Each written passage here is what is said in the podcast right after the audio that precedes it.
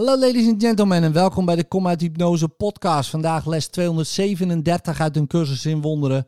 Nu wil ik zijn zoals God mij geschapen heeft. Vandaag wil ik de waarheid over mezelf aanvaarden. Ik zal in heerlijkheid opstaan en het licht in me toestaan heel de dag door over de wereld te schijnen. Ik breng de wereld de tijding van verlossing die ik hoor wanneer God mijn Vader tot mij spreekt. En ik aanschouw de wereld die Christus mij wil laten zien. Ervan bewust dat dit de bittere droom van de dood beëindigt. Ervan bewust dat het mijn vaders roep is tot mij. Christus is vandaag mijn ogen. En hij is de oren die vandaag luisteren naar de stem namens God. Vader, ik kom tot u door hem, die uw zoon is en tevens mijn ware zelf. Amen. In liefde, tot morgen.